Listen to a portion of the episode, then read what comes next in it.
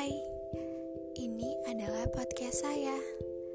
Ya, walaupun isinya nggak penting-penting banget, tapi bisalah didengerin buat dijadiin pelajaran.